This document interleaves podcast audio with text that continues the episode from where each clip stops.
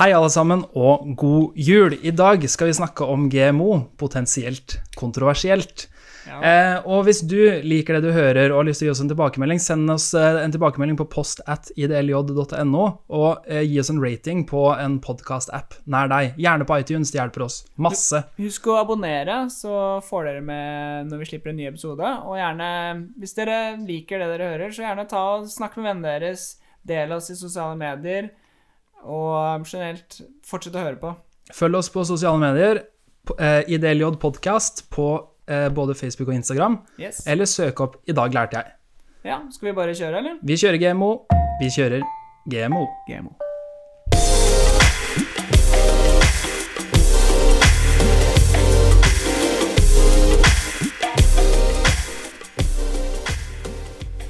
Hei, og velkommen til en ny episode av I dag lærte jeg.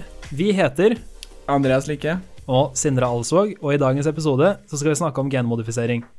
Vi skal snakke om hva begrepet betyr, hvordan mennesker har drevet med genmodifisering i egentlig alle år. Eh, vi skal preke litt om eh, moderne eh, GMO, genmodifiserte organismer. Eh, kanskje litt om transgene og hybride organismer. Jeg er ikke helt sikker på hva alle disse begrepene betyr ennå. Det betyr stort sett det samme. Og så skal vi snakke litt om lover og regler knytta til genmodifisering. Er du klar? Jeg er alltid klar, jeg. All right. Da kjører jeg på med litt eh, historisk avl. Eh, for å genmodifisere eh, betyr å endre hvilke gener en organisme har. Og i dagens kontekst betyr det ofte eh, å endre ett eller flere gener i en organisme med eh, det som vi kaller genteknologi i dag. Genredigering. Genteknologi og bioteknologi og genmodifisering og sånn brukes litt sånn om hverandre. Så vi kommer til å bruke noen av disse uttrykkene mm, her og der, og det betyr mer eller mindre det samme, at man bruker moderne Altså moderne laboratoriebasert forskning til å endre mm, noe som på en måte i utgangspunktet er naturlig, da. Fordi eh, gener i planter og dyr er eh, egenskaper som kan bli uttrykt eller ikke uttrykt. Og når vi snakker om eh, genredigering, så er det jo eh, sånn at vi ønsker å uttrykke et gen i større eller mindre grad ofte, eller fjerne det fullstendig. Eller legge til. Ehm, og med moderne genteknologi så kan vi eh, sørge for at f.eks. ris og mais inneholder vitaminer og mineraler eh, de ikke lagde fra naturens side i utgangspunktet. Eh, og store deler av jordens befolkning har ris som primær næringskilde, og ulike grupper forskere arbeider for at ris i seg selv skal inneholde flere og mer næringsstoffer, sånn at, folk, eh, sånn at færre folk blir syke og dør av mangelsykdommer. Og mangelsykdommer er så enkelt som det høres ut som. Kroppen kan ikke lage alle stoffene sine sjøl. Du må få i deg noe fra spising eller drikking. Og hvis ikke du får det i deg, så kan du få en såkalt mangelsykdom. Ja, det gjelder jo både vitaminer og um, såkalte essensielle aminosyrer, da. Og så er det eh, det jeg snakka om akkurat nå, med, med forskning, forskning og Se for deg folk i hvite frakker som sitter på laboratoriet og prøver å finne ut av hvordan kan denne risen bli litt sunnere. Eh, dette er veldig moderne, men eh, mennesker har drevet med en form for eh, genmodifisering, redigering, i alle år, og da snakker vi om avl. Um, mennesker begynte med husdyrhold for uh, nesten 12 000 år siden, Uh, og all den tida så har vi avla fram de beste plantene og dyra. Vi har tatt de største potetene og de feiteste kyra Uh, og sørga for at de beholder at, at vi lager nye avkommer med de, og at vi luker ut de små potetene, de snåle grønnsakene, eh, de som ikke smaker godt eller ikke er store nok. Eh, og dette kaller vi gjerne kunstig seleksjon, eh, da vi ikke lar naturen gå sin naturlige seleksjon, men, men vi mennesker peker på de egenskapene vi liker i en organisme, og så lar vi de få avkom. Ja, så er det jo også Altså, vi velger jo en del egenskaper som ikke nødvendigvis ville økt altså evnen til å overleve, da, sånn i naturen, men vi legger jo ting til rette for planten, sånn at vi kan på en måte da kan vi velge ut ting som gjør på en måte at det smaker bedre, eller på en annen måte er bedre for oss i jordbrukssammenheng. Da. Mens det betyr ikke at planten i utgangspunktet hadde levd noe bedre i naturen, og som regel tvert imot. Ja, snarere tvert imot, ja. Um, å drive avl er fortsatt veldig populært. Uh, man bruker det i husdyrhold fortsatt, og man bruker det også uh, mye i kjøttproduksjon. Og her har jeg en veldig god fun fact. Eh, fordi Har du, Andreas, lyst til å gjette på hva verdens dyreste okse noensinne har blitt solgt for? Du kan kanskje kalle meg for en nerd, men eh, det, det, det tallet har jeg hørt før. Men eh, jeg husker ikke. Men la oss si én okse. En okse. La oss si 1,5 million kroner, da. La oss si 13,7 millioner norske kroner for én okse. Eh, og i den transaksjonen så var det sånn at ranchen var ganske investert i denne gode oksen, eh, og har beholdt eh, 20 av eh, verdien i oksens, all, all, all av oksens fremtidige sæd. Så når den oksen formerer seg fem ganger, så får ranchen beholde ett av av- avkommene. Det er en ganske grei deal. Eh, men poenget her er ganske enkelt. Vi har holdt på med em, naturlig, unaturlig seleksjon i alle år, og på den måten så har vi fått ekstremt feite kuer, vi har fått ekstremt gode maisavlinger, vi har fått svære poteter, søte poteter, eh, og vi har fått, mange, fått mye mer effektivt jordbruk etter hvert som vi har holdt på med dette i ja, litt over 10 000 år. Ja, jeg vet ikke om alle er klar over det, men sånn Hvis man ser på de plantene vi spiser i dag, da, hvis man ser på, på måte den ville varianten, altså sånn den, det, det den kommer fra, så er det minner veldig sjelden om det vi spiser i dag. Du ville kanskje ikke kjent igjen hvis du gikk forbi. Uh, fordi at det er eh, Det har veldig få av de egenskapene vi egentlig ser etter. Det er, smaker ikke like godt og gror ikke like fort og generelt er nesten Det er ikke en annen organisme, men det er ikke langt unna. Nei, det er kjipt. Jeg så et veldig kult bilde av en vannmelon som ble grodd frem fra noen fant på en måte de eh, mer originale genene fra Ja. vannmelon. Og istedenfor å være liksom grønt skall med én stor, rød, saftig kjerne, så var det eh, grønt skall, mye hvitt dritt, og så var det noen sånne små liksom eh, vakioler, altså liksom hullerom inni, som inneholdt fruktkjøtt. Ja. Men størsteparten var liksom eh, hud og overlevelsesmekanikk. Mens mennesker ville ha tak i det røde kjøttet inni, så har man bare grodd fram og bedre og bedre vannmeloner, og i dag så smaker det digg. Mm. Eh, så vi kan jo ta spørsmålet hvorfor vil man drive med altså genteknologi, da, eller genmanipulering? Og det går tilbake til dette avlskonseptet, da. Altså la oss si at du har eh, en plante, la oss si, det, la oss si det er mais, da. Og så vil du innføre et gen fra f.eks. et jordbær da, inn der. Um, av en eller annen grunn, kanskje du, kanskje du finner ut at uh, ja, her er dette kan gjøre at maisen smaker litt bedre, eller kanskje den tåler um, kulda litt bedre, eller en eller annen grunn til at en eller annen egenskap som denne andre planten har, som du vil få inn i maisen. Det er ikke nødvendigvis sånn at du kan gjøre det med tradisjonell avl, fordi litt grunnleggende biologi her er du kan ikke pare alt med alt. Altså litt av det som definerer en art, er jo at det gir såkalt um, forplantningsdyktig avkom.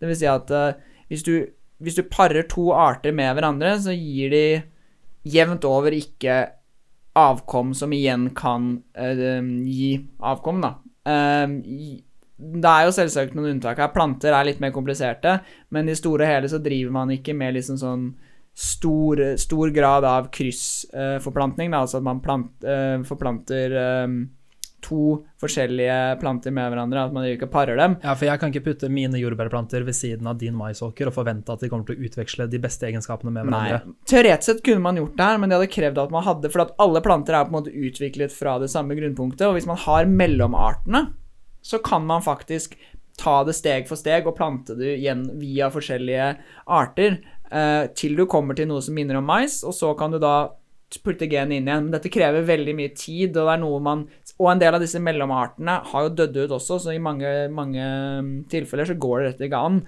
Men man kan ta en snarvei, da, som er ved å da gå inn og bruke genteknologiske metoder til å putte det inn i da, den planten du vil. Um, og da sparer du jo ekstremt mye tid, primært. Mange mener jo at det, ligger en stor verdi i denne tradisjonelle avlsmetoden, fordi at det, det gjør at du kan se litt sånn mellomeffektene. Altså sånn i Altså sånn som art eh, Sånn som avl har funka, da, så er det jo sånn at du du ser en, en eh, vill versjon av eh, av for eksempel, ja, La oss bare fortsette å bruke mais som eksempel. Da. Du ser en villmaisvariant som har et gen som du gjerne skulle hatt i Eller en effekt da, som du gjerne skulle sett i maisen din, og så parer du dem.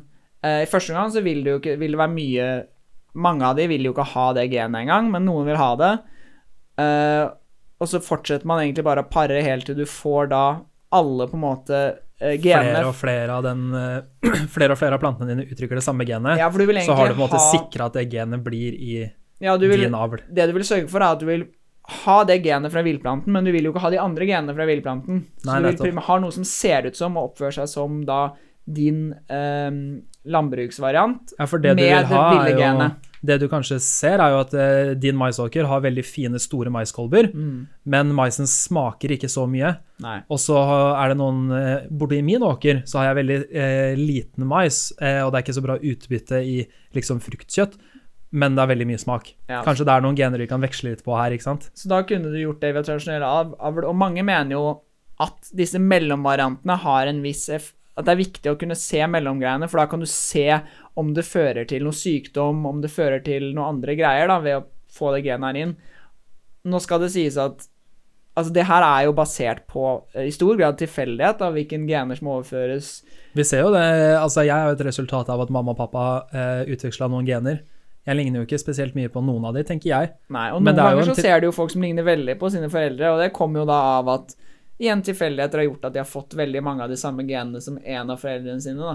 Eh, mens, For jeg har jo også to andre søsken, og vi tre vi er veldig forskjellige fra hverandre. Ja. Og det er jo som du sier da, det er tilfeldighetene som rår i en genutvekslingsprosess. mm, mens hvis man da har bruker disse bioteknologiske metodene, disse genverktøyene, så kan man overføre kun et gen. Det, altså dette krever jo åpenbart Man kan ikke bare ta en plante og så ekstrahere genet. Du må jo ha oversikt over hvilke gen som gjør hva. Som veldig mange planter så Det er ikke sånn at du bare kan gå ut og ta et tre, og så vet du hva alle genene gjør, nødvendigvis. Og så er det ikke sikkert at jeg kan gå til eh, nærmeste gran og ta ut, produsere barkgenet og putte det på min mais. Det Eh, er ikke sikkert. Det er, det er en del ting som ikke funker, men i utgangspunktet så er planter såpass fleksible at det er ganske mange gener fra planter som vil kunne uttrykkes i en annen plante.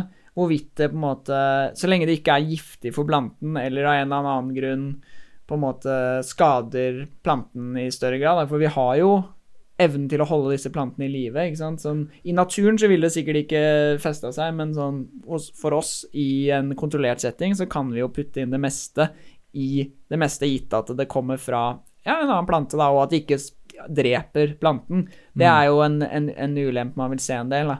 Men spesielt når man driver med tradisjonell avl, så vil, vil man jo risikere Spesielt hvis man driver med uh, altså noe som er mindre beslektet på hverandre, så vil det bli mye abortering, da.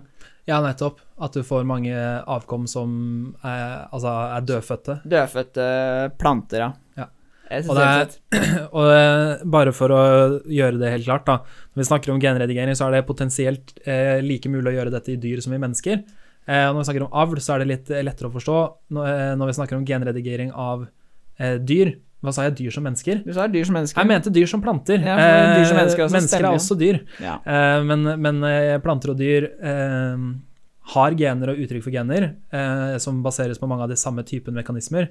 Men det er som du sier, det er litt lettere å utveksle mellom planter enn i, enn i dyr. Jeg, jeg, skal, jeg, det er ikke helt sikkert at det nødvendigvis helt stemmer heller. Hovedproblemet med å drive og ta, eh, bruke dyr er jo det at um, det er mye dyrere. Det krever uh, en del eh, Det krever en del mer tid, fordi at altså som Ja, skal du si at et menneske, da Altså et menneske Det tar jo ca. 15-16 år før du får et fysisk voksen menneske. Mens det, noen planter tar du ikke 15-16 dager engang. ikke sant? Så du kan drive Det er også en annen ting at du kan jo Vi har veldig gode modellorganismer i planter. Altså vi bruker en plante som heter Arabidopsis thaliana.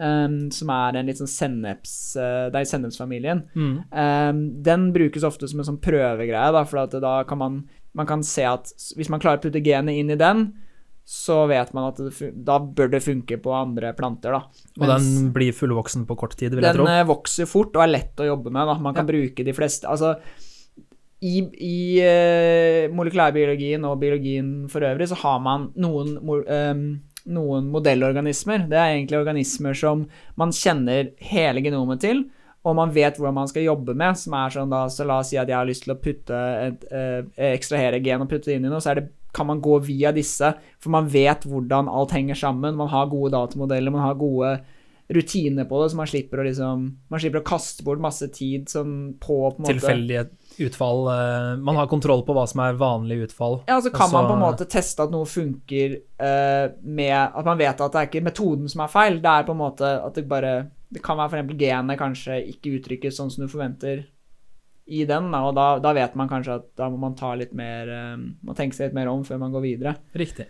Men øhm, ja, nei, vi snakka jo om vi kan, Det kan jo være smart å liksom ta litt sånn begreper også. Igjen, begrepene her går litt sånn over i hverandre, men det som er viktig å skille mellom, er kanskje det begrepet transgen.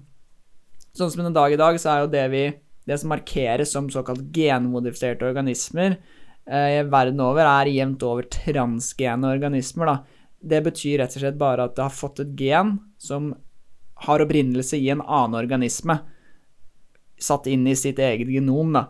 Eh, altså, hvis, eh, I motsetning til det, så har du også noe som heter genredigerte organismer. Um, for eksempel uh, så bruker man denne CRISPR-metoden. Og genredigerte organismer er der du har på en måte gått inn og endret dens eget genom, f.eks. ved å fjerne et gen, da. Ja, og her begynner vi å snakke om litt interessante ting i um, Som mange av dere kanskje vet, så er det store debatter som går på hva kan vi gjøre, hva kan vi ikke gjøre, hva er naturlig, hva er unaturlig i genredigering. Uh, og når du snakker om transgene organismer, så snakker vi f.eks. om at man har tatt, um, tatt et, et, et, eh, en resistens mot plantemiddel fra et insekt, eller fra en, fra en plante som lager det naturlig, og putta det over i maisen. Fordi jeg vil eh, kunne spraye min maisåker med et insektmiddel, Ja. eh, og, men at maisen skal overleve, men at insektene skal dø. Og da er det, da er det poenget at den er transgen, den har et ulikt genom fra hva den naturlig ville hatt. Mens genredigering, da ville det vært å f.eks. gå inn i maisen og ta vekk et eller annet gen som uttrykker eh, veksthemming, fordi jeg vil ha dritstor mais. Ja, det, det kunne man gjort, ja. Eh, det som er interessant med akkurat transgene organismer, er at det, de må faktisk ikke være fra andre planter.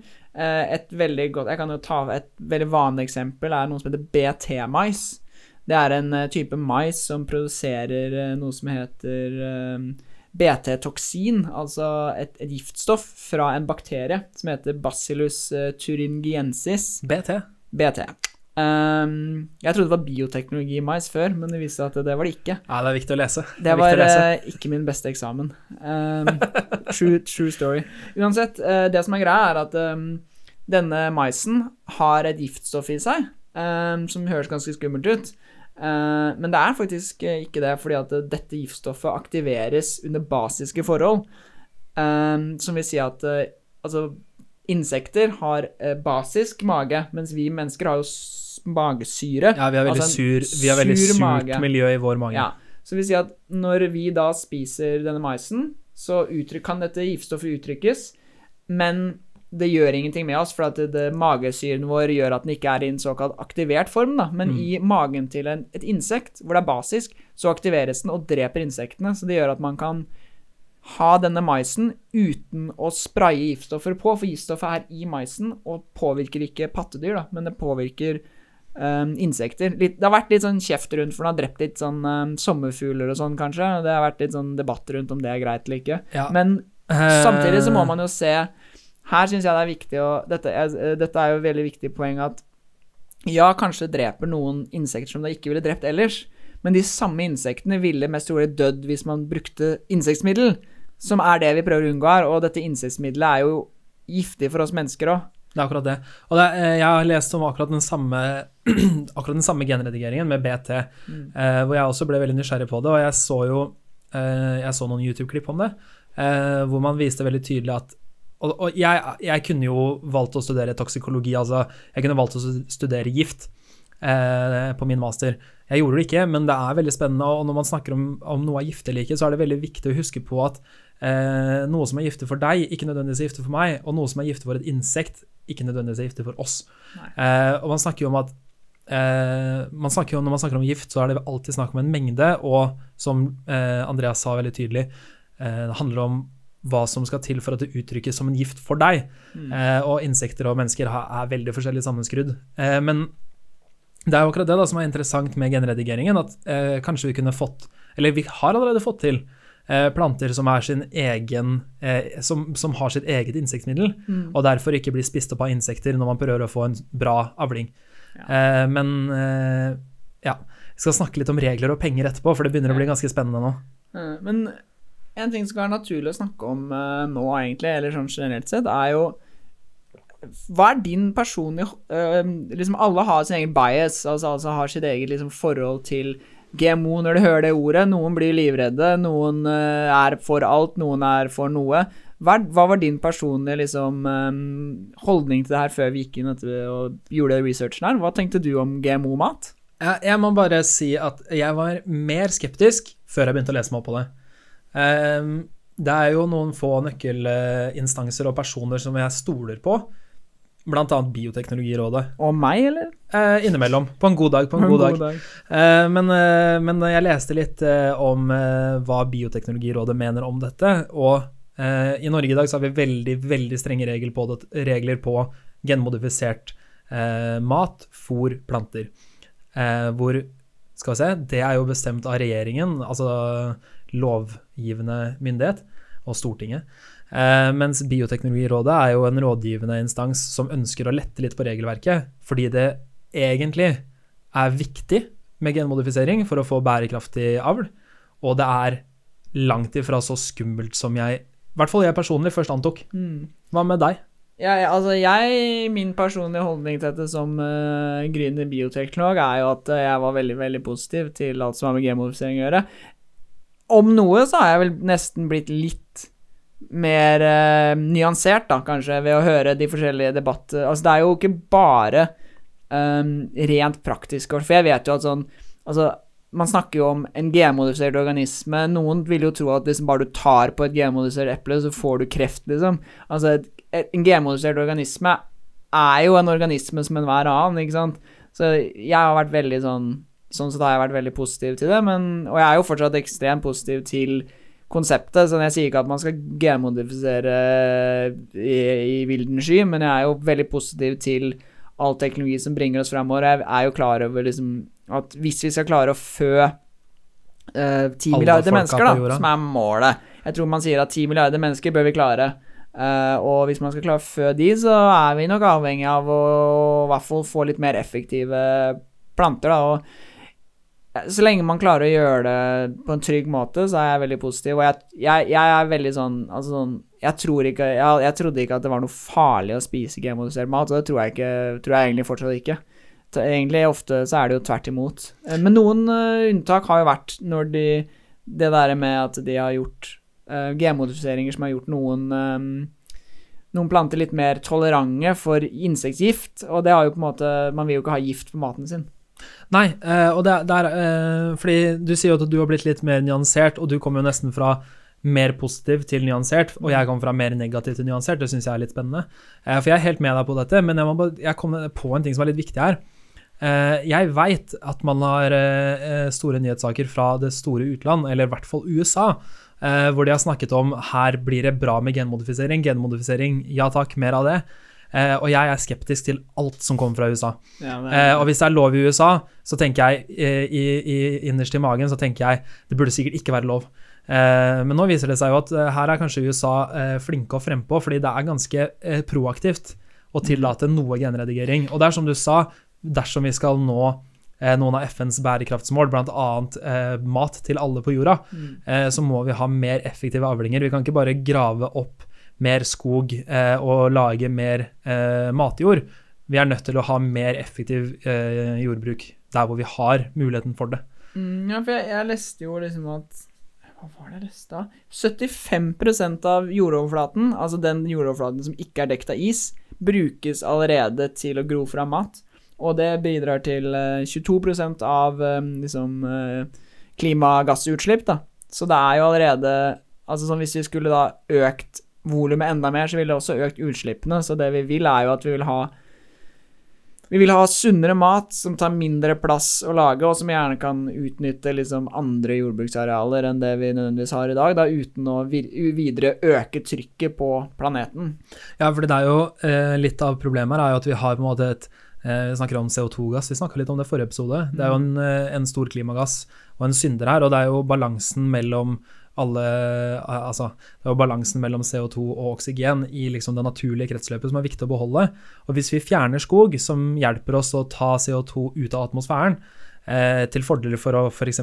ha eh, kyr, som er en stor tilførsel av ja, en annen miljøgass, men også CO2, eh, så på en måte fortsetter vi bare å øke eh, menneskets fotavtrykk på det naturlige klimaet, og derfor er det viktig at vi eh, bruker eh, genmodifiserte organismer på en veldig fornuftig måte fremover. Og da er det to ting jeg har lest om som kan være ganske interessant. Det ene er eh, genredigering for mer effektive planter og produsenter, sånn at vi får større avlinger på mindre areal. Og det andre er jo eh, selvfølgelig det, altså, Når med en gang jeg leste om det, tenkte jeg at det gir jo bare mening. Eh, genmodifiserte eh, planter som tar opp mer CO2. Ja. Det er ganske spennende. At du kan eh, genmodifisere Si at man setter opp en genmodifisert skog av trær som allerede har, altså trær som allerede har høyt eh, opptak av CO2. Og så kan du genmodifisere til å ha eh, flerdobbelt opptak av CO2. Vi snakka jo i første episode om eh, å avle fram eh, antibiotika, eh, hvor, du fikk et, hvor du fikk uttrykk for penicillin som bare økte og økte, og økte, og til Ja. slutt så var det på en måte 50 000 ganger høyere enn da vi starta. Hvis du kan gjøre det samme med CO2-opptak, så begynner vi å snakke ganske spennende utviklinger for oss på jorda. Ja, det er, eh, det er, det er, det er mye, man, mye man kan gjøre. Det er jo litt sånn, altså sånn Det er jo kun naturen og kreativiteten som setter grenser her. Altså Hvis man finner et gen som gjør det man vil i naturen, så er det jo egentlig ikke noe i veien, i hvert fall i en eh, forskningssammenheng, mot å liksom sette det inn eh, et annet sted og prøve å finne Det er litt det det handler om også. Det er ikke bare det å liksom skulle lage mat og tjene mest mulig penger, men det handler om på en måte å være litt ja, kreativ med naturen. Og det er jo ikke folk, folk er ikke så supergira på liksom den tanken at man skal være kreativ med naturen, for naturen er jo naturlig. Men det vi liksom snakker litt om i dag, er jo det at naturen er jo ikke naturlig. Naturen er jo ganske kreativ sjøl. Det er akkurat det. Naturen er jo veldig basert rundt tilfeldigheter, da. Men altså, al altså når, hvis, du, hvis du regner da ting vi har rundt oss som natur Altså, den franske bulldoggen din var på et eller annet tidspunkt en ulv. Eh, og det er liksom sånn sett Er det, liksom, er det naturlig, liksom? Er, den, er, er, den hest, hestene våre og kuene våre naturlige? De er jo så naturlige som vi har latt dem være. Altså, de eh, Spesielt når det kommer til kyr og andre altså, særskilte husdyr, eh, så er jo de eh, bare avla fram for å være feite og treige. Eh, som er superbra når du skal ha dem innafor et gjerde, men ganske dårlig hvis du skal overleve mot eh, liksom predatorer i, i naturen. Eh, og det er jo det vi snakker om seleksjon, er liksom naturlig og unaturlig. Det er veldig vanskelig å egentlig vite Det er en stor gråsone her, sånn som jeg ser det. Det er vanskelig å vite hvor du skal sette liksom, grensa. Det kommer, sant? litt an på hva man regner som hellig, da. Altså sånn, er natur noe vi aldri skal tukle med, og Eller er det sånn at man kan tukle med naturen, men man må tukle med naturen sånn som man alltid har gjort det? Det er jo et interessant spørsmål. Men skal vi kanskje snakke litt om hvordan man kan tukle med naturen på laben, og hvordan man gjør det? Ja, kom igjen, kjør på. Dette, det her er, nå begynner vi å gå inn på eh, Andreas fagfelt, som er biotek. Ja. Eh, og kanskje, dette blir kanskje spesifikk utspørring, men eh, kom igjen, gi meg noen eksempler på god genredigering. Ja, altså sånn, sånn eh, Det er vel tre primærmetoder man bruker, da. Den vanligste metoden er jo en sånn um, agrobakterium-metode. Um, og agrobakterium tumefaciens, tror jeg det uttales. Det er en uh, interessant uh, bakterie. Den- du sier agrobakterie, betyr det jord, jordbakterie? Ja, det er en jordbakterie. Det er jo uh, en av flere agrobakteriumtyper, da, men det er der denne mm, såkalte T-DNA kommer fra. Og greia med agrobakterium og T-DNA er at den den bakterien kan liksom feste seg til planter og planterøtter og danne da noe som ser ut som en, altså en svulst, da, rett og slett. Og i forbindelse med disse svulstgenene så har den også noe som heter eh, T-DNA, som er DNA som kan brukes til å overføre eh, annen DNA. Da. Dette blir veldig mye DNA-snakk. Dette, dette er en gjetting fra meg som Ja. ikke gjorde det knallbra i, i eh, biokjemi, men TDNA, står det for transfer DNA, eller står det for Tumorfasiens. Tumorfasiens. Eh, om det står for tumor-DNA eller transfer-DNA, det er jeg ikke helt sikker på. Det skal være lett å google, men TDNA T-DNA brukes som eh, litt forskjellige ting. Du har jo Jeg tror kanskje du blander det med noe som heter tRNA. Eh, stor fare for det, det hørtes veldig kjent ut. Um, Så tRNA er uh, noe annet vi kan snakke om en annen gang. Uh, men uh, sånn som denne bakterien funker, er rett og slett det at den, den kan overføre gener til planter, da, en god del av plantene. Så det man har gjort, er at man utnytter dette systemet ved å da beholde disse tDNA-genene som overfører um, overfører gener inn i planten, og så har man lagt inn det man vil mellom disse T-DNA-ene. Det er der den, den vanligvis ville putta inn sitt eget DNA. Så putter man da inn eh, det man, altså et annet plantes gen, da, for eksempel. Og Ja, bruker for det eksempel insektresistens. for eksempel eh, resistens mot uh, insekter ved, å, ved toksiner. Da. Mm. Så- Eller plantemiddelresistens, da, som kanskje Ja. er den andre måten å gå. Så det er ganske lett å bruke, egentlig, for at den, den angriper på en måte skadet vev. Da. Så det man gjør, er at man tar Først designer man jo selvsagt dette DNA-et ehm, som man skal ha inn i planten, og så um, får man bakterier eh, til å uttrykke det, og så gror man rett og slett bare Man, man kutter opp eh, planten, og så gror man den uh, i, i en løsning med den bakterien som har dette DNA-et, og så vil den automatisk bare Eller den vil naturlig overføre dette DNA inn i planten på et litt sånn halvtilfeldig sted. da.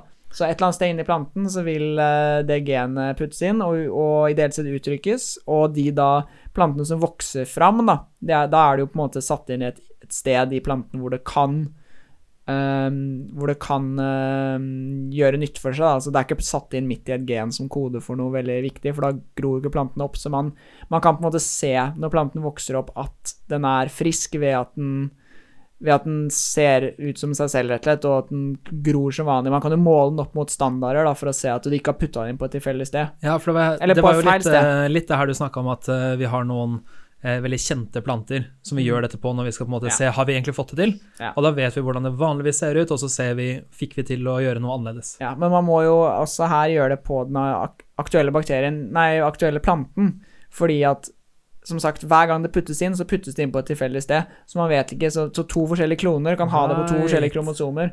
Så hver, hver, hver, hver klone vil være annerledes, da, og så må man jo gjøre um, kan man gjøre ehm, andre genanalyser da, for å finne ut av uh, hvor det er plassert uh, i ettertid, hvis man ser at det ser sunt ut. Da.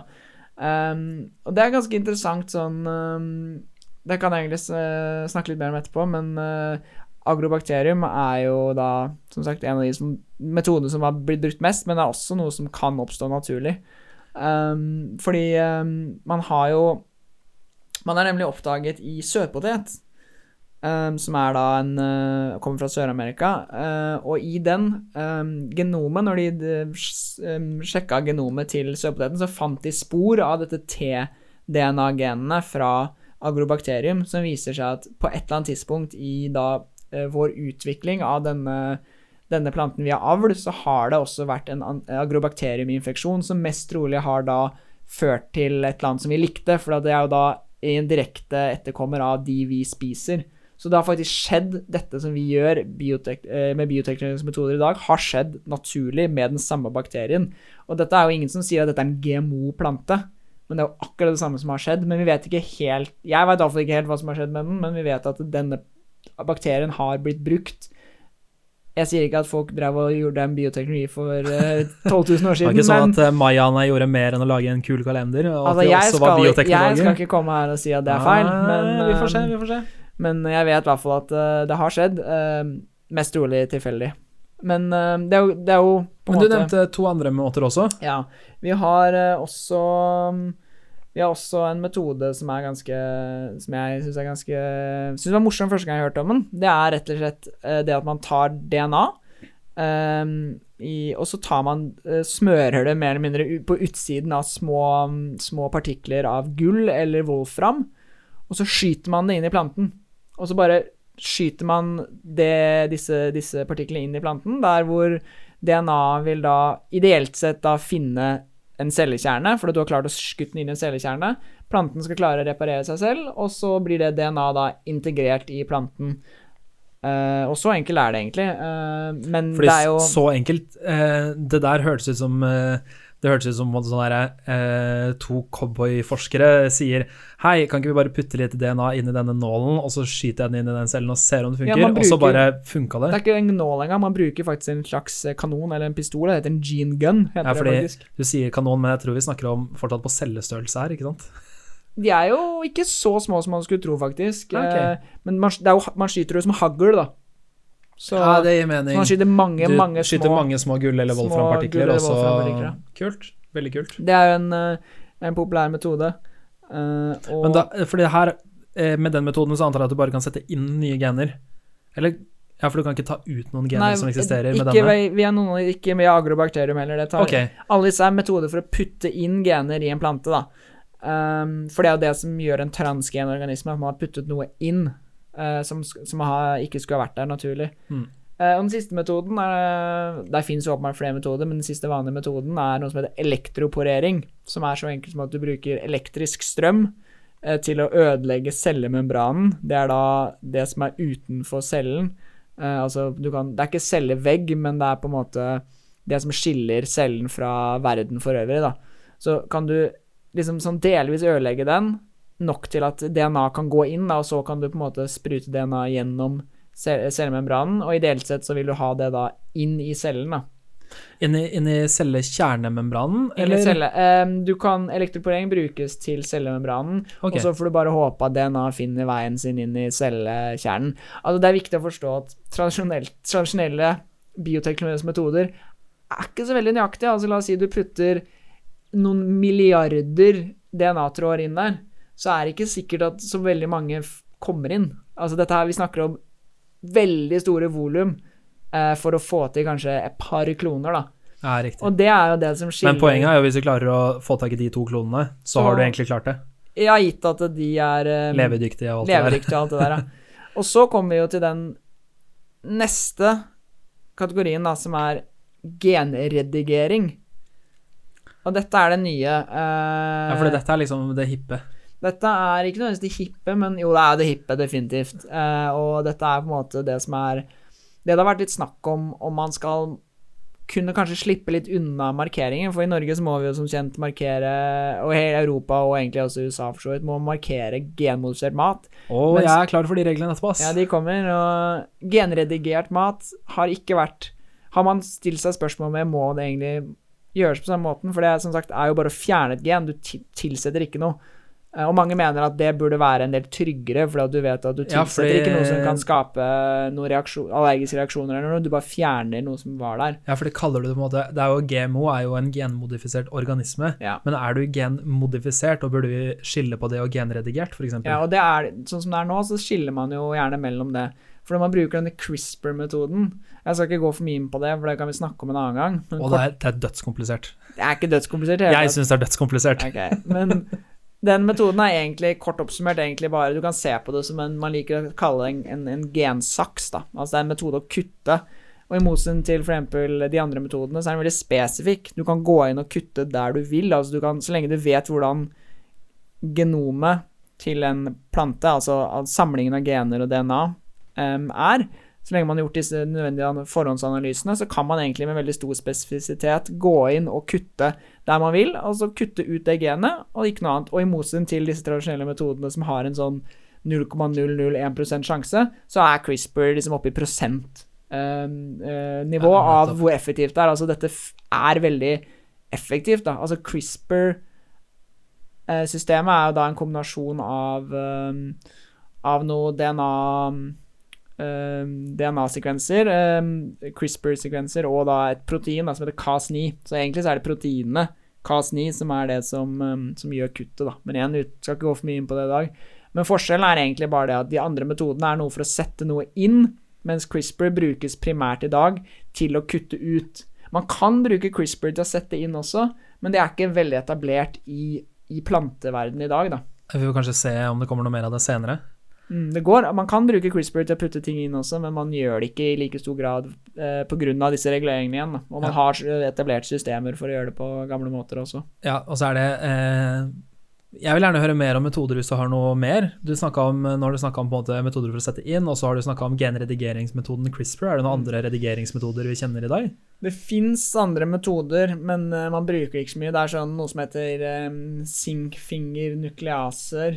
Det er for vanskelig for meg å si. Ja, det er, det er, det er ikke noe vi trenger å gå inn på. For jeg, i store det hele så er liksom Når du snakker om genredigering, så kommer man til å gå over til CRISPR, for at CRISPR er veldig lett og billig og effektivt. Og det er lite sånn såkalte off-target effects, da. Det vil si at det er Hvis du prøver å kutte et sted, så er sjansen ikke så stor for at du kutter et annet sted også. Jeg tror det er nede på jeg tror feilraten er som i 1-4 millioner eller noe sånt. Det, eh, for meg så er det ganske bra.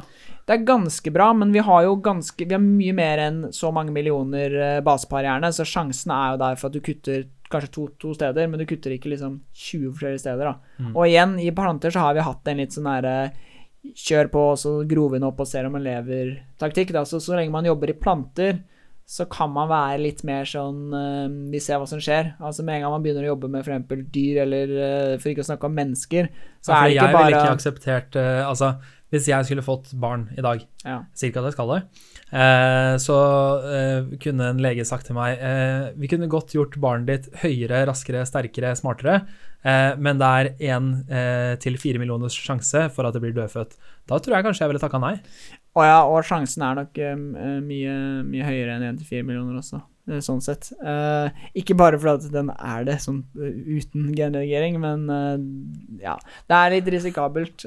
det går faktisk rykter om at det kanskje er født noen CRISPR-barn i Kina, men vi kan snakke mer om det seinere, for jeg tror jeg merker at dette er en helt annen diskusjon. Ja, og jeg tror kanskje vi er modne for en episode om DNA, for du nevnte bl.a. basepar, og det er jo Basepar er jo på en måte en av grunnstenene i DNA, som er et veldig langt og komplisert molekyl. Eh, men det blir en annen episode. Har du lyst til å snakke litt om regelverk knytta til genmodifiserte organismer, eller? Uh, ikke egentlig, har du? Spørsmål, jeg, jeg, jeg er veldig gira, for ja. dette har jeg lest meg på. Det Spørsmålet var egentlig har du noe mer du har lyst til å tilføye på metoder før vi går over på regelverk, for jeg tror det blir et bra sted å avslutte. Ja, nei um Nei, du kan jo si litt sånn typisk hva man, hva, hva man hvor, Hva slags genmodifikasjoner man tradisjonelt har gjort? Det er jo på en måte Man vil gjerne ha ja, sånn resistens mot insekter, mot, uh, mot, giftstoffer, mot bakterier, kanskje.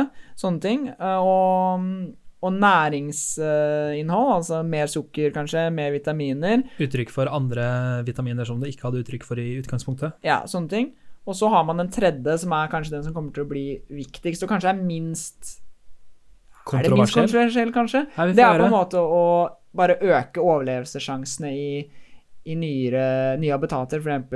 i saltere vann. Da. Altså øke, øke motstandsdyktighet mot saltvann. ja, at, sånn at jeg f.eks. kan begynne å gro poteter på kysten fordi de nå tåler å på en måte har litt saltvann i, ja. med sitt miljø. Man bruker det gjerne på ris, en del sånne risåkre som har litt sånn hvor det, hvor det er, eh, kommer saltvann inn på åkrene. Ja, riktig. Og spesielt nå når vi har, ser økende havnivåer, så vil en del eh, ja, mye, en del lavt... Mye ekstremvær hvor du får mye salt fra hav som blåser over på ja, tidligere trygge steder. Jeg vet iallfall at en del lavtliggende åkre er litt sånn i fare, da. Hvor ved å øke, øke toleransen mot saltvann, så gjør man også det litt mer resistent mot en potensiell eh, eh, havnivåøking, da. Så det er, det er mye ja, det. Også, også, for ikke å snakke om tørkeresistens. Det er også stort, for at vi kommer til å se mer tørke i tillegg til ironisk nok mer vann, men vi vil også se mer tørke. Ja, det er, det er, ja. Du sier ironisk nok, men det er jo egentlig helt naturlig at ja. uh, vi får økt noen steder, og da nødvendigvis mindre andre steder. Mm. Så det er, det er typisk, uh, typisk sånn man må se på i framtida, spesielt tørkeresistent planter. Da. Og det er det er jo da mm, genredigering veldig, veldig viktig for, da. Men igjen, her i Vesten så liker vi liksom ikke å vi, vi, er veldig sånn Å nei, det er, u, det er unaturlig, mat, unaturlig mat å spise genredigert uh, planter, men det er en del steder man ikke har den luksusen at man kan spise liksom eh, økologisk uh, brokkoli til uh, middagen din. Du må på en måte spise ja, ris eller mais. Da. Jeg, hørte, jeg hørte en veldig fin episode fra en annen podkast hvor de nevnte at skal vi shoute out den? Eh, nei, eh, okay. det skal vi ikke. Eh, for jeg husker ikke tittelen. Okay. Men eh, en veldig fin episode, eh, en kort snutt, som handla om eh, akkurat dette med økologisk. For mm. det kan hende at GMO blir det nye økologisk. fordi Altså, det er det som er mest bærekraftig, det er det som på en måte blir det etisk mest riktige, i anførselstegn, å spise, eh, osv. Mm. Og du snakker om eh, skepsis, og det er jo her vi kommer inn på regelverk. Og Ja. da, dette var min mest naturlige overgang. Eh, fordi eh, den iboende skepsisen til teknologi eh, finnes i veldig mange folk. Eh, og det er masse lover og regler eh, som er på en måte Noen har vi vært med å utforme sjøl, altså nasjonen Norge, mens andre har vi på en måte mer eller mindre fått tredd ned over huet på oss, som jeg pleier å si. Eh, blant Ai. annet eh, EU-reglement. Eh, og i dag så er det sånn at jeg går inn på Bioteknologirådets nettsider, eh, og der eh, har de på en måte en sånn samleside med, med masse lover og internasjonale avtaler som gjelder eh, forskning, produksjon, import og distribusjon av genmodifiserte planter og mat, og pla eh, genmodifiserte planter og mat fra de plantene. Eh, og eh, i Norge så er de viktigste reglene som gjelder GMOs, det er genteknologiloven og matloven. Produkter som, eh, produkter som ikke inneholder mat, men som stammer fra genmodifiserte organismer, kan importeres fritt. Og da har vi eksempler, f.eks. bomull eh, og biodrivstoff, som er importert eh, og laget av genmodifiserte organismer, men som ikke på en måte skal inntas av verken eh, planter eller dyr her eh, til lands. Eller mennesker. Ja, jeg sier ofte at vi mennesker, vi er bare dyr. Ja, vi er jo det.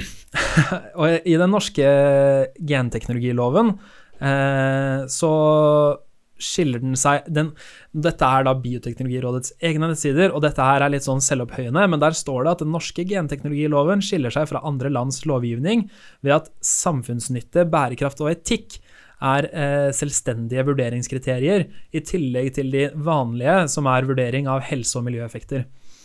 Og det har resultert i, som eh, faller naturlig når du tar med flere kriterier, et veldig strengt regelverk. Eh, og i dag, Lykke, tror du du kan gå på butikken og kjøpe en genmodifisert organisme i det hele tatt?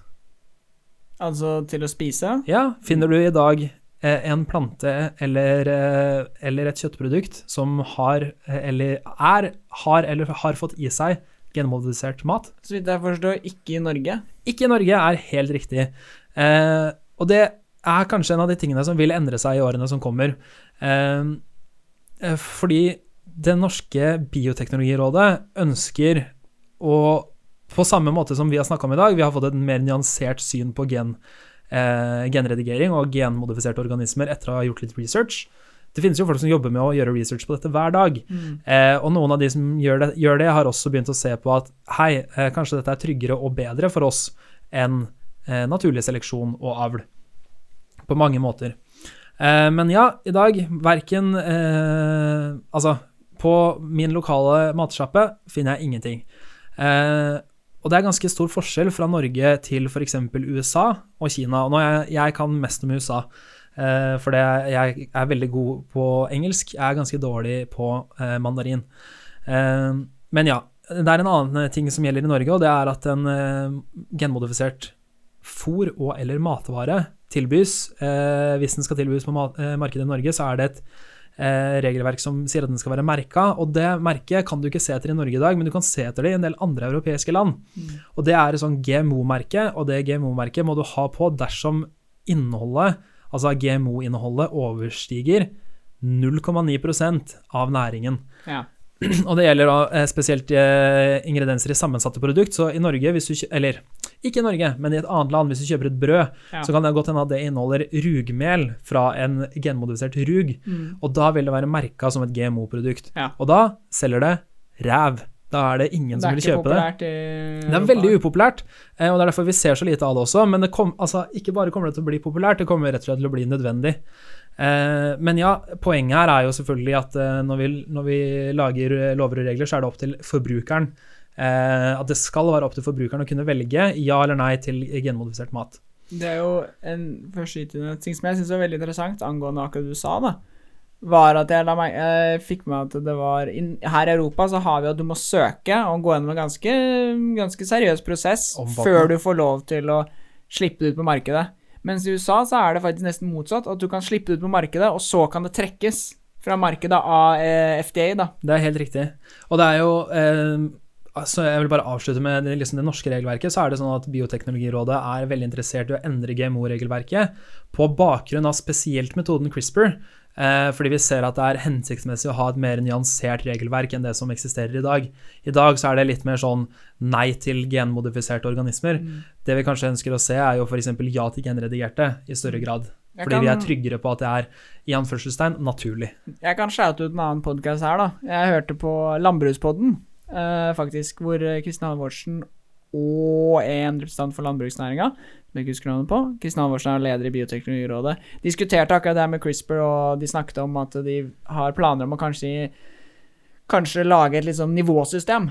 Hvor det er på en måte sånn dette er en nivå 1, 2, 3 GMO, litt avhengig av hva som er gjort. Sånn at du kan på en måte merke at dette er en GMO nivå 1. Da er det på en måte gjort CRISPR, altså du har fjernet et gen. Og så har du noe, hvis du har satt inn et gen, så er det kanskje en GMO nivå 2, da. Ja, og Eh. kanskje hvis jeg har tatt inn et gen, ikke bare fra en annen plante, men fra et insekt, eh, eller fra en bakterie, så er det kanskje nivå 3, for da har det begynt å på en måte gå sånn, eh, i anførselstegn, veldig unaturlig.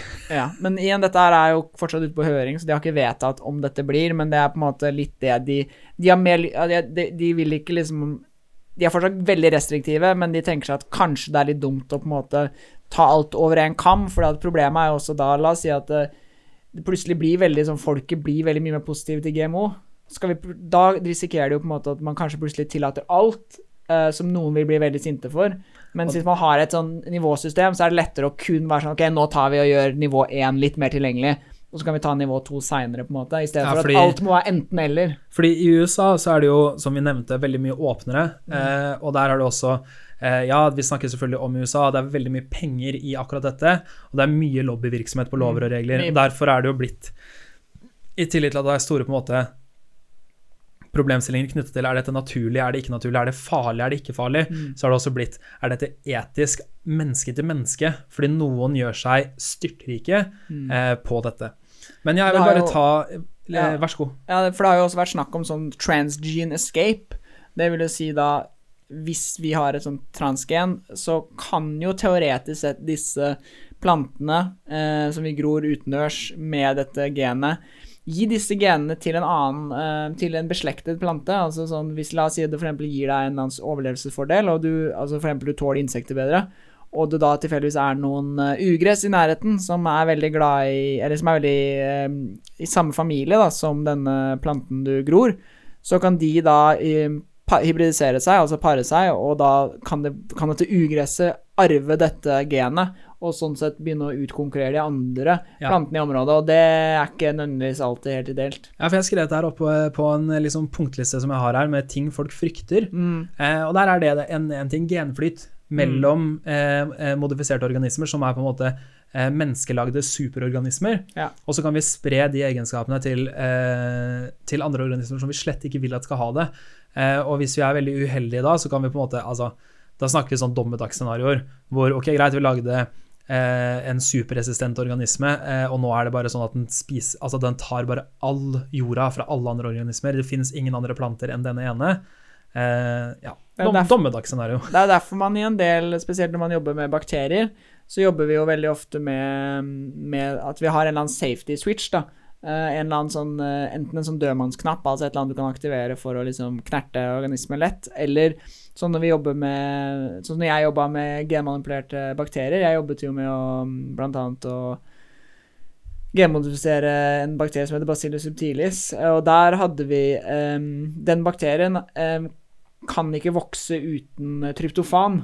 Eh, Det er et, en aminosyre som gjør at hvis den da kommer seg ut i et naturlig system, så vil den ha en, en ulempe i forhold til naturlige bakterier, og mest trolig bli Ah, utkonkurrert, fordi ja, at den kan ikke gro uten denne. da. Og Det er veldig vanlig å gjøre på, i, spesielt i labsammenheng, at man legger inn et eller annet som gjør at hvis den stikker av, så har den ikke Og det kan man også gjøre med genmodifiserte planter, men la oss si at man gjør eh, Ja, um, si at du må ha en viss aminosyre som planten vanligvis har tåler, så kan du fjerne det genet med CRISPR, og så kan du bare tilsette det i, i maten. da. Nettopp. Og gitt at det ikke er et veldig dyr aminosyre, så har du da en veldig effektiv kontroll, for med en gang den kommer ut i naturen uten denne aminosyren, Så er den ikke så er den overlevelsesdyktig. ikke overlevelsesdyktig. Åpenbart kan gi det andre genet sitt videre til en vill plante, Ja. Men da da kan er den bli sjansen veldig liten hvis du på en måte har Altså Planten i seg selv vil ikke kunne rømme, men den kan også gi genene sine videre til andre planter. Men alle, det kan jo teoretisk skje uansett, som vi har snakket litt om. At det kan skje i naturen. Ja, tilfeldigheter i naturen er vanskelig å kontrollere.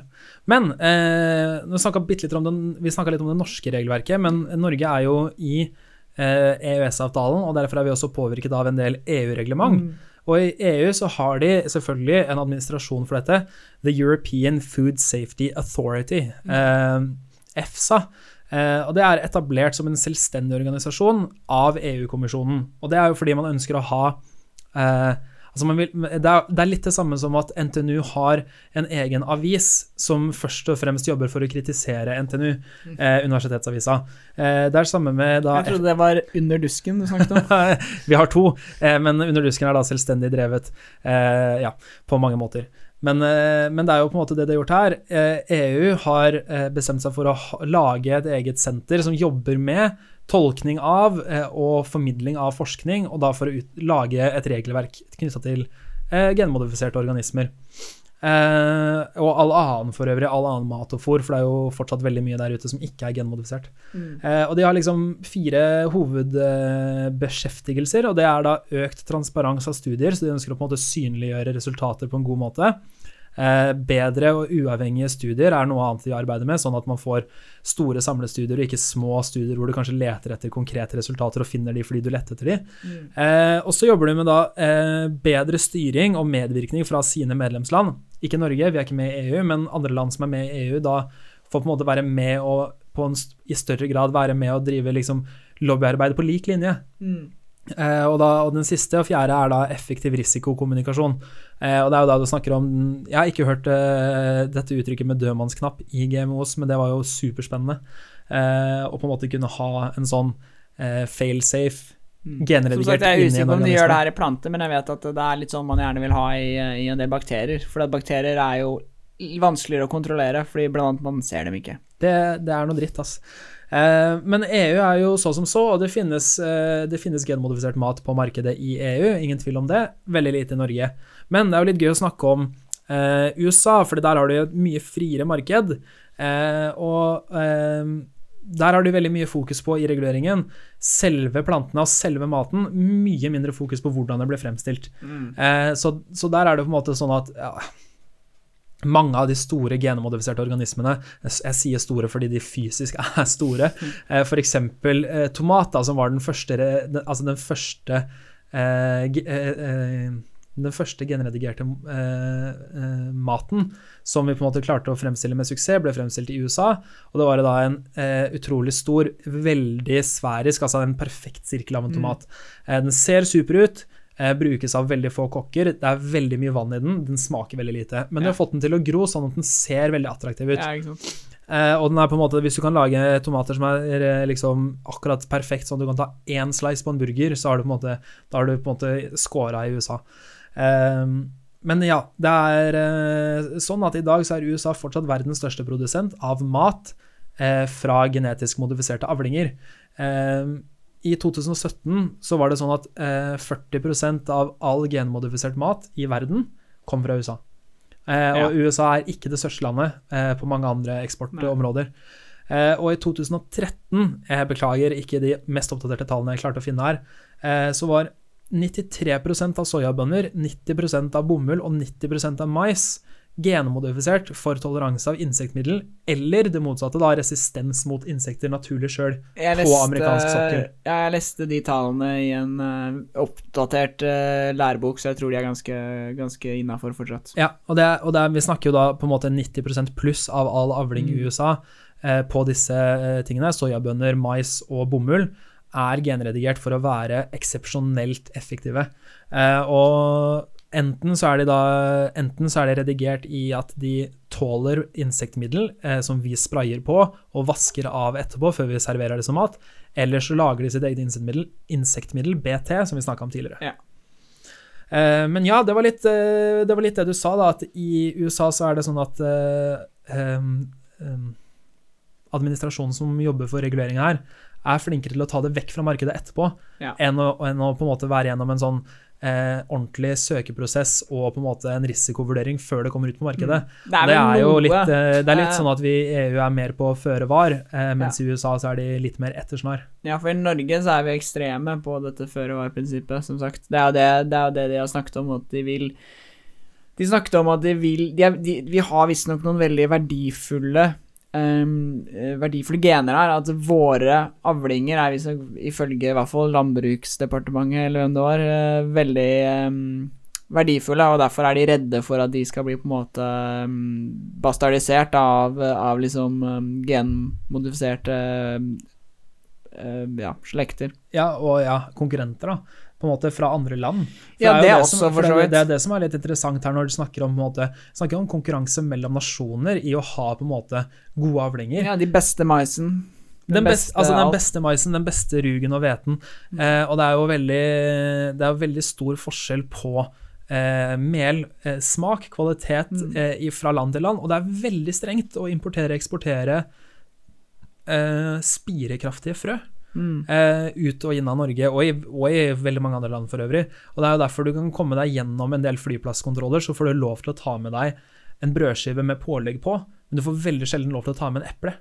Fordi i, inni det eplet så er det sannsynligvis eh, spiredyktige frø, Mm. eh, som, vi, som det landet ikke på en måte Hvis jeg kommer til en eh, sikkerhetskontroll på flyplassen og sier 'Å ja, men det er Pink Lady, det går sikkert bra', eh, så er det ikke sikkert det er, det, er ingen, på en måte, det er ingenting der som tilsier at det er lov eller, ikke, Mm. altså, eller greit. Eh, så da er det eneste sikkerhetskontrollen kan gjøre, å si 'sorry, eh, epler som inneholder frø, no go, får, du får ikke ta det med'. Det er jo litt spennende. Mm. Eh, jeg har egentlig snakka meg ferdig om eh, regelverk. Eh, jeg har noen, eh, noen få andre poeng her som kunne vært interessante, men eh, jeg, jeg har egentlig nevnt det viktigste for meg. Ja, jeg, hvis du har noen spørsmål til meg nå, så kanskje jeg kan svare på det. Kanskje ikke. Nei, jeg, jeg, tror egentlig jeg har fått svar på det meste. Jeg, forstår mye mer av forskjellen på Mm. eh, genmodifisert og på en måte forskjellen på å sette noen gener inn og det å på en måte redigere gener ut.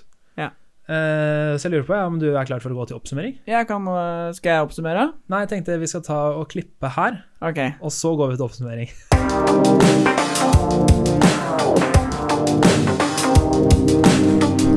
Da tenkte jeg det hadde vært greit å ta litt om hva vi har lært i dag. Eh, Jeg har jo lært veldig mye i min egen eh, research eh, på vei inn i dette, men jeg har lært mye om eh, hvor mye avl og seleksjon mennesker har drevet med opp gjennom åra. Eh, I mye større grad enn jeg selv var klar over. Mm.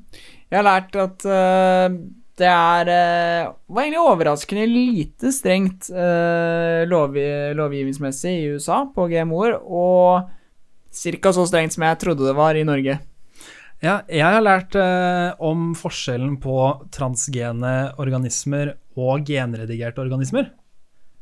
Fordi transgene, du har tatt gener inn fra en annen kilde.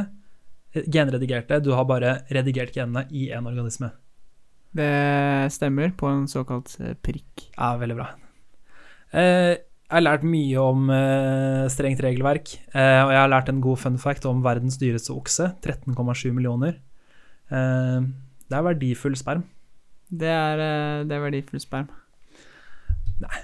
Hva sier du? Skal vi runde av dagens episode? Jeg tror vi runder av med 'det er verdifull sperm'. Det er verdifull sperm. Takk for oss! Ny catchphrase.